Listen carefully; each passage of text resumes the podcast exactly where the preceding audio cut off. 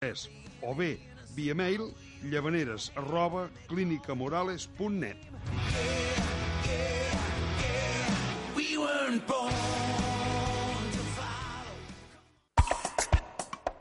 Escoltes Ràdio Sant Vicenç. La teva. Where's all my soul sisters? Let me hear your flow, sisters. Hey, sister,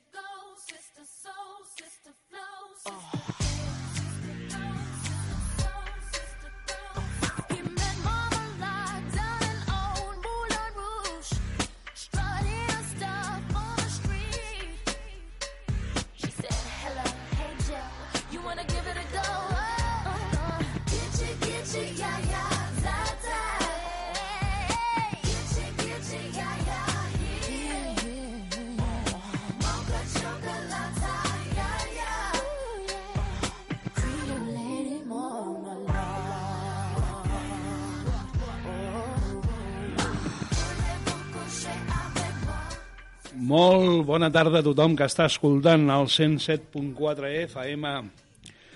Benvinguts al programa Coses que passen. Us parla en directe Josep Maria Castelltort.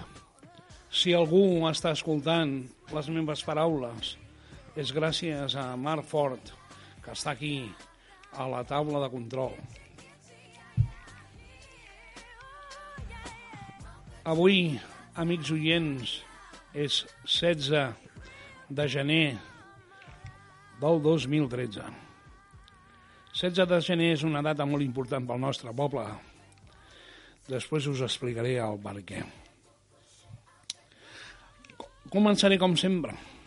Escolta, Castelltort, avui quin sant és?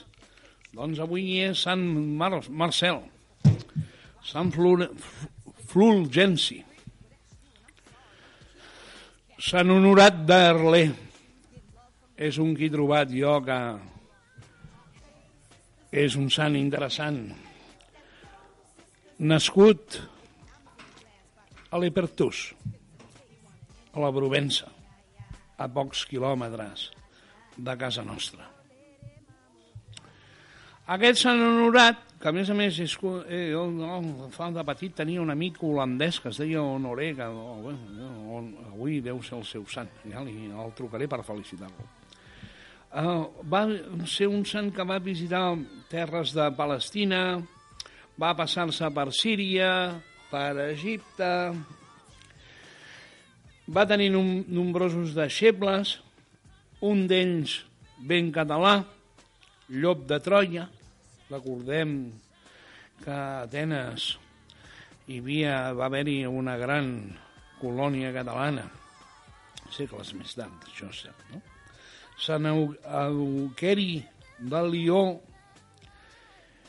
eh, eh, Hilari d'Arler, entre d'altres, no? Va ser el sant que va fundar el famós monestir de l'Erins, allà a França.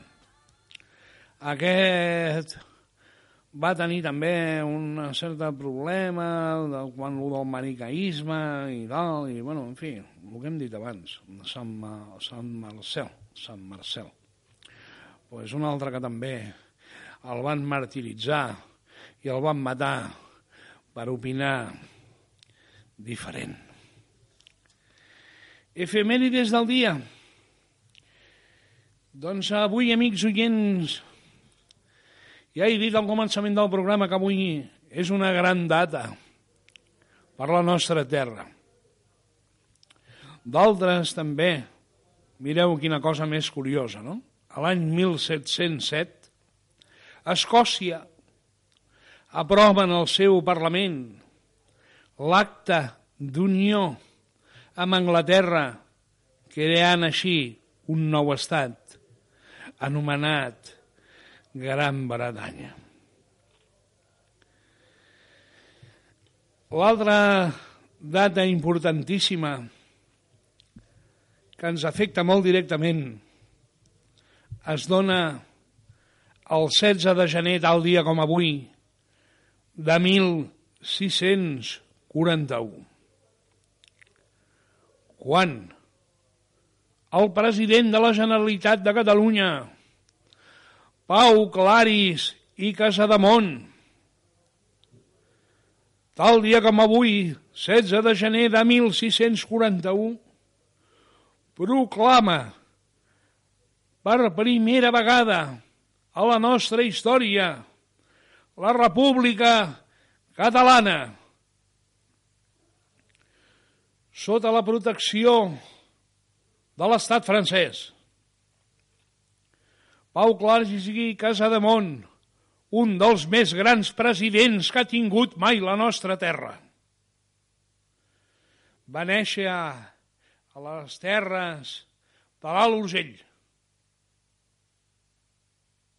Va ser un destacat jurista que es va saber bellugar perfectament entre les pressions polítiques d'aquella època entre França i Castella després d'haver proclamat la República Catalana.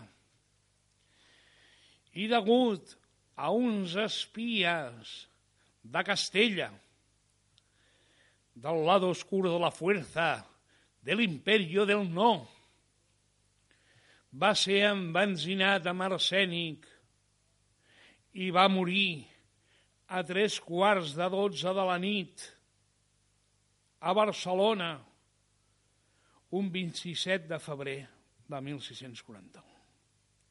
Fou enterrat més tard a l'església Sant Joan de Barcelona. I com no, el generalíssimo Franco va ordenar que s'enderroqués aquesta església de Barcelona l'any 1800, 1900, bueno, en fi, és igual van derrocar els de l'imperi del no, van enderrocar l'església. Només que vol fet de destruir la seva tomba, perquè així ningú recordés aquest gran personatge clau de la nostra història.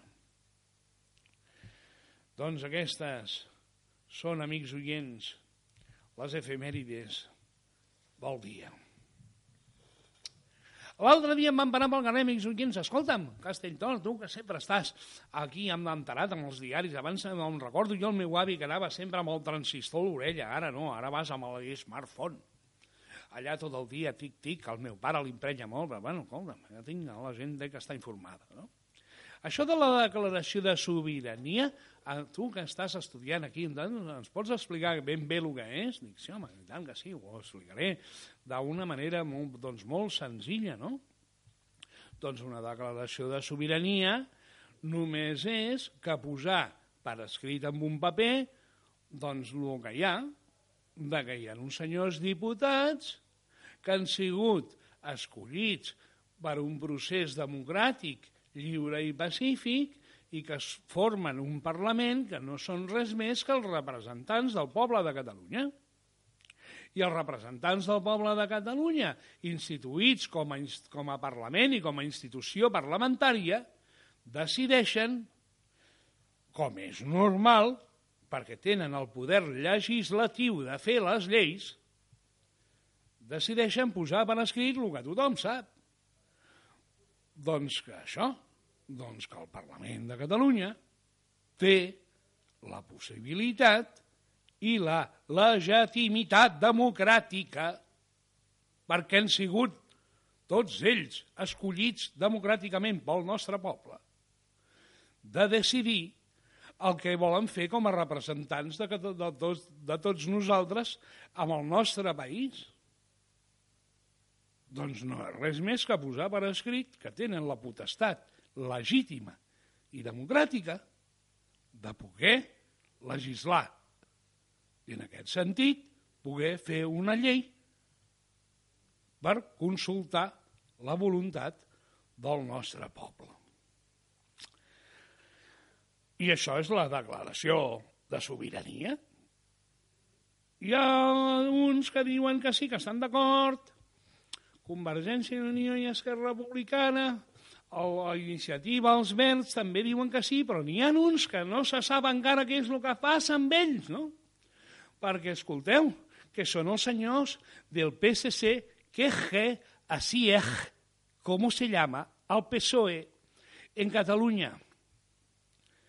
que diuen que volen una cosa diferent, o que sí i que no, i que no, però ja ho veurem, però que sí. Que diuen que volen un altre model, una altra manera de fer les coses, que volen reformar la Constitució, però anem a veure. Senyores del PES, PSC, quina oportunitat que esteu perdent ara mateix més bona de decidir qui sou, perquè encara la gent no se sap ben bé ni qui sou, ni el que voleu. Perquè, és clar, resulta que si voleu, voleu a modificar la Constitució per fer un estat federal, primer heu de convèncer a la vostra presidenta, senyora Chacón, que diu que no. Un cop tingueu convençuda la vostra presidenta Chacón, que diu que no, haureu de convèncer el que us mana, el que us belluga els fils i el qui us dicta les coses que heu de fer, que és el senyor Rubalcaba, que diu que no.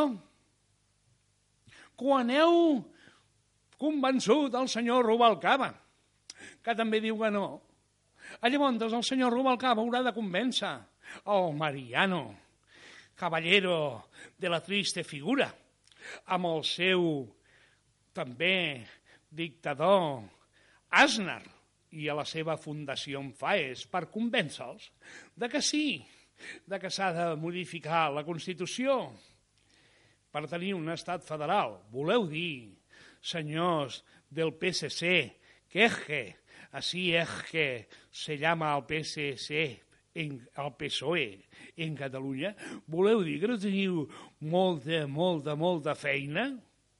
A què esteu jugant? A què esteu jugant?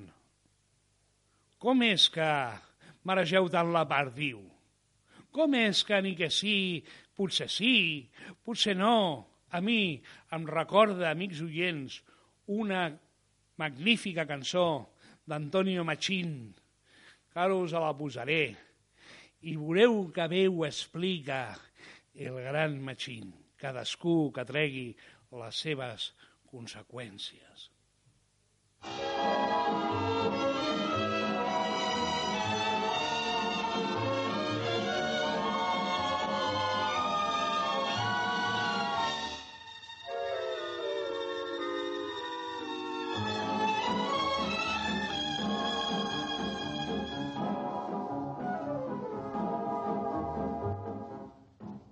Hace tanto tiempo que te estoy rogando, hace tanto tiempo que te estoy pidiendo que me des un poco de tu dulce aliento y tú no me dices ni que sí, ni quizá, ni que no. ¿Cómo he de poder seguir ahogando el llanto?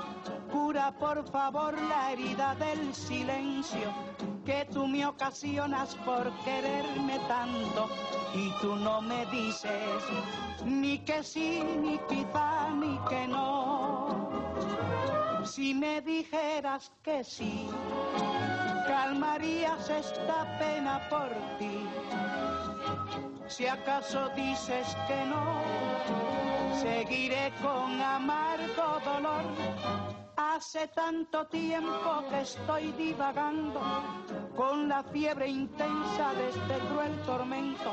Sigue sin piedad, sin compasión callando y tú no me dices ni que sí, ni quizá, ni que no.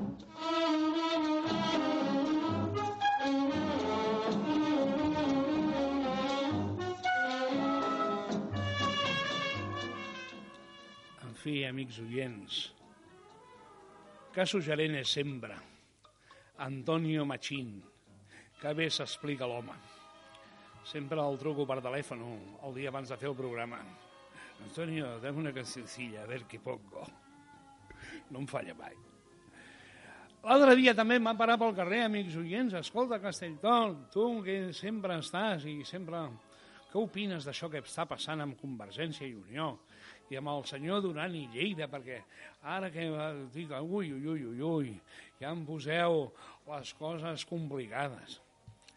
Ara què voleu que us expliqui del Duran i Lleida? Això ja m'haig de remuntar a l'any 77, quan l'Anton Canyelles, que anava a missa tots els diumenges a la parròquia de la Concepció, allà al carrer València, cantonada Balmes. Què ho voleu que us digui? Això és una història d'amor de fa molts anys. I sí, i ara, home, no, em fa la punyeta, perquè, clar, sempre surt a l'escenari, sempre surt de la pista de ball quan no li demanen.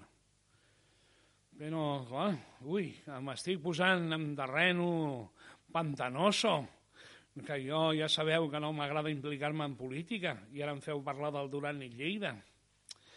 Ja us ho dic, eh, que sí, oh, quan el veig en allà, tot primet que és ell, amb aquelles cametes que té, i a sobre que no té un pèl de tonto.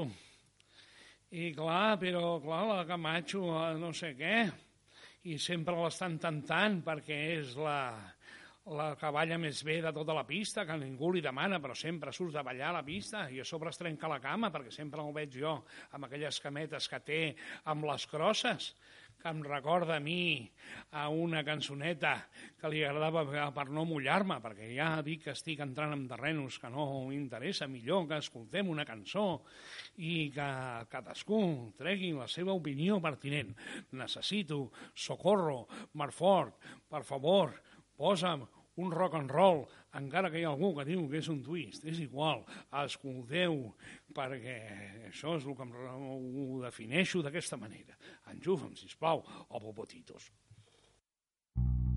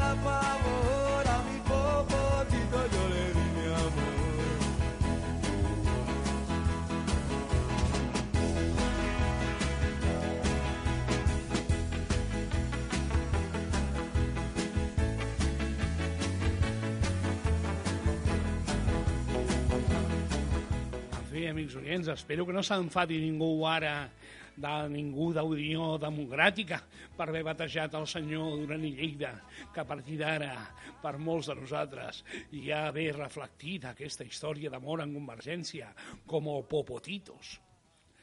En fi, ho dic amb tot el carinyo, sabeu? En fi, amics oients, l'altre dia estava jo pensant Bueno, alguna vegada em dóna per pensar, eh, i el que val més que no ho hagués fet, perquè com està la situació? Com està la situació a Espanya i a Catalunya? Clar, em vaig enterar que a part del que vaig dir el programa passat, que a més a més hi ha del sou de, de presidente del gobierno, en el cas de Mariano Rajoy, caballero de la triste figura, cobra 1.800 euros per dietes, que resulta que la ministra de Treball, que m'han assabentat avui, també ha passat una factura al Ministeri del divendres de la setmana passada de 3.400 euros per un catering perquè mengessin allò, unes anengades a la brasa amb raïm i cava amb porró, eh? 3.400 para los señores ministros, no vaya a ser que se queden con hambre. També resulta que un avió Euroflighter d'última tecnologia, fabricat i dissenyat per destruir, no se sap el què, però en fi, costa 83,2 milions d'euros. I tenim un encàrrec de 82 unitats. Feu vosaltres mateixos els números, perquè a mi és que està entremol el dit de fer servir la calculadora. Resulta que fins i tot el Ministeri de Defensa es gasta cada dia, cada dia, són dades que les podeu treure del, del mateix Ministeri de Defensa, del mateix Ministeri d'Economia, eh? dades oficials, 43 milions d'euros al dia, diaris, quan aquí hi ha gent que està passant malament, que en un parell de mesos no faria falta cap retallada, només amb el que es gasten aquí los garantes de la Unitat d'Espanya. Eh? Quin futur tenim? Quin futur té el nostre país, amics oients? Bueno, el nostre país que estem encara, perquè hi un document d'identitat que em diu que sóc espanyol.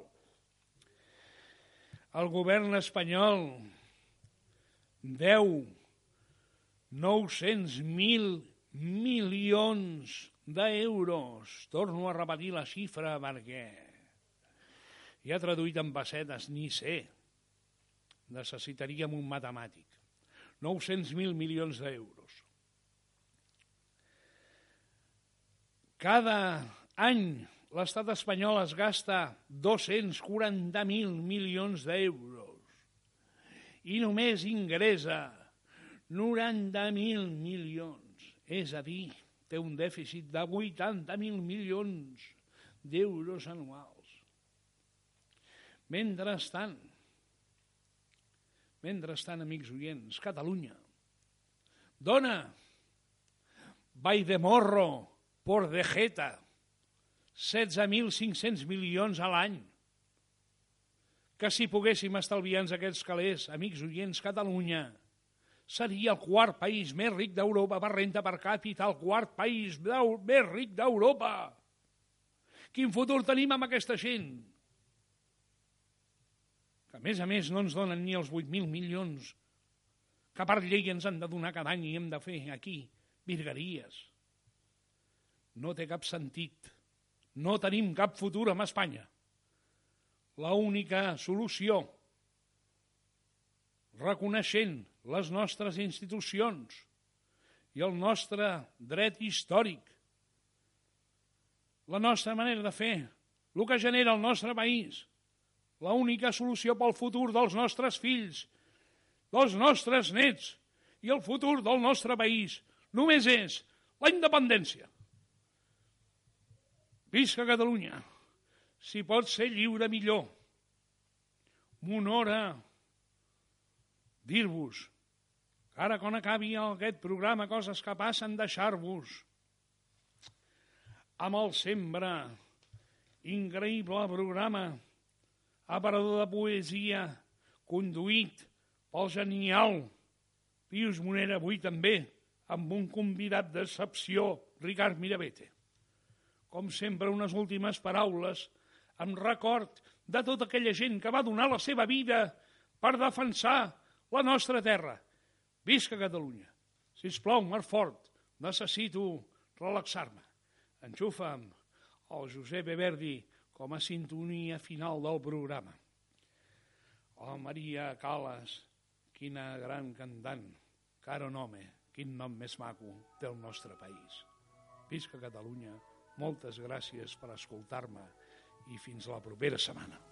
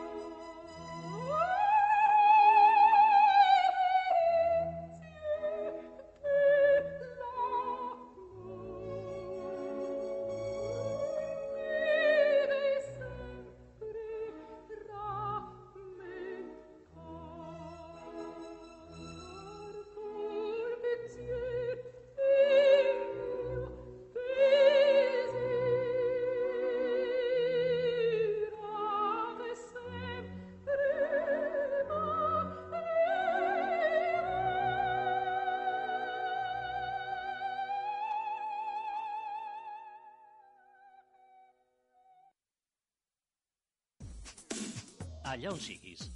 Ràdio Sant Vicenç. Barber Dog, la botiga d'animals.